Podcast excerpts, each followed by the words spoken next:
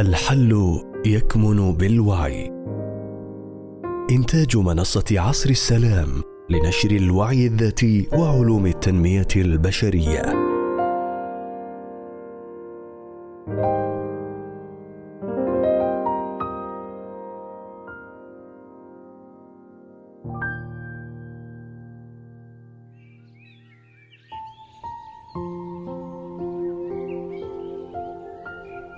مستوى علاقاتك بالحياة. للكاتب يونس. التسامح. شرحنا في مقال شعور الاستهداف ولماذا أنا بالذات؟ أنه لا شيء يستقصدك أنت بالذات. كتطبيق لهذا المفهوم حدد مشاعرك السلبية تجاه الحياة وابدأ بالتخلي عنها. سواء كانت مشاعر ذات كثافة حسية عالية أو كانت معتقدات عن الحياة أنها مكان قاس أو ظالم. قد يساعدك في ذلك تشبيه علاقاتك بها كعلاقاتك بشخص ما.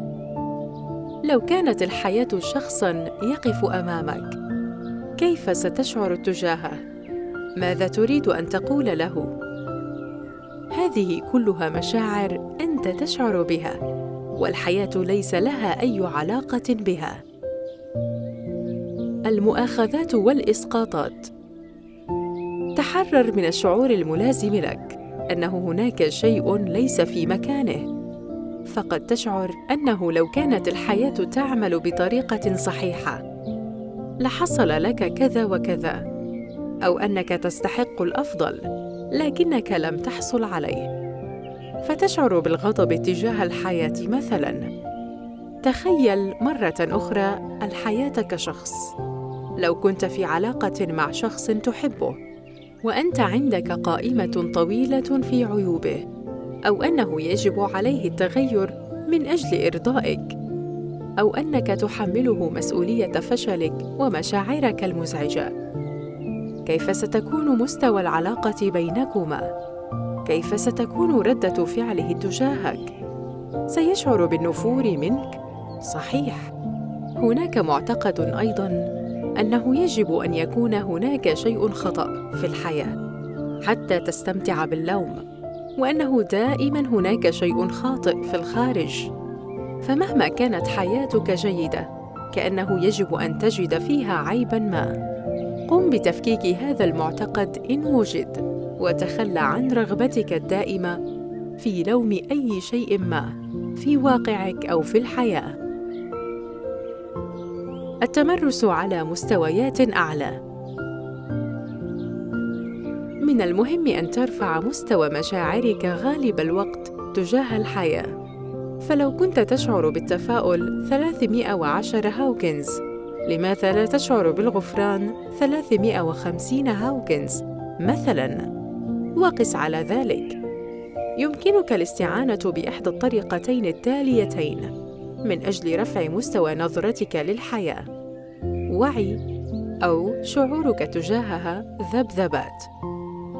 الطريقة الأولى نحن دائما نرى الحياة من مستوى نظرتنا نحن ونظن أن هذه هي حقيقتها.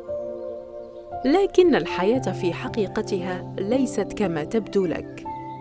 ويمكنك الرجوع لجدول مقياس هاوكنز ورؤية كيف تختلف نظرتك للحياة على حسب مستوى وعيك.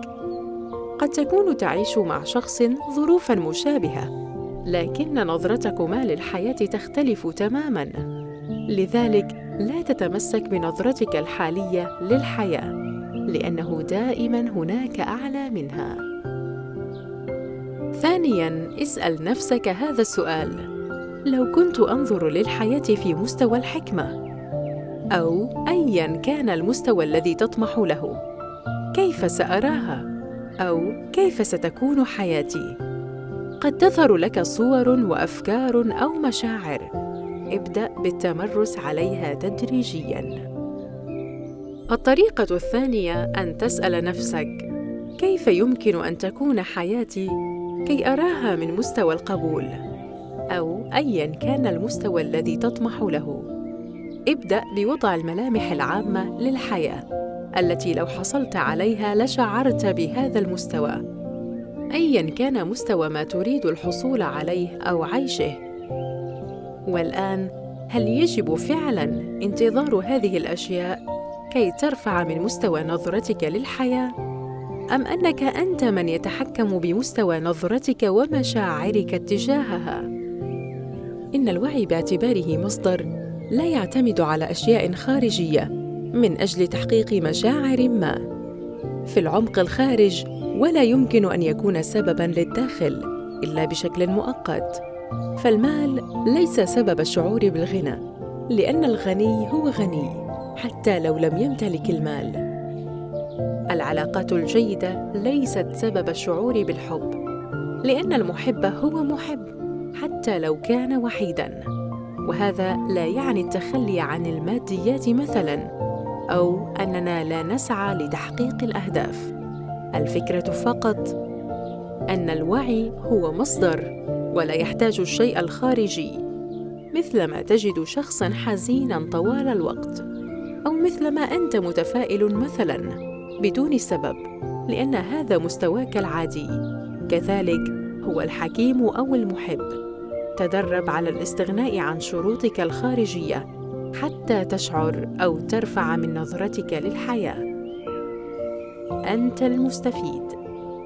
الشعور الجيد تجاه الحياة ليس منة منك أو من أجل الحصول على شيء معين بل أنت المستفيد الأول من ذلك.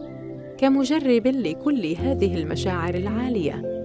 أيهما أفضل أن تتقبل أم ترى الحكمة في الحياة؟ أيهما أفضل أن تحب أو أن تبتهج؟ دائما الأعلى أفضل ومريح أكثر. على حسب استطاعتك طبعا. تذكر أن كلامي ليس دعوة للتصنع أو لخداع نفسك بشيء عال. ثم تشعر أنك دخلت دوامة التدرج من الوعي.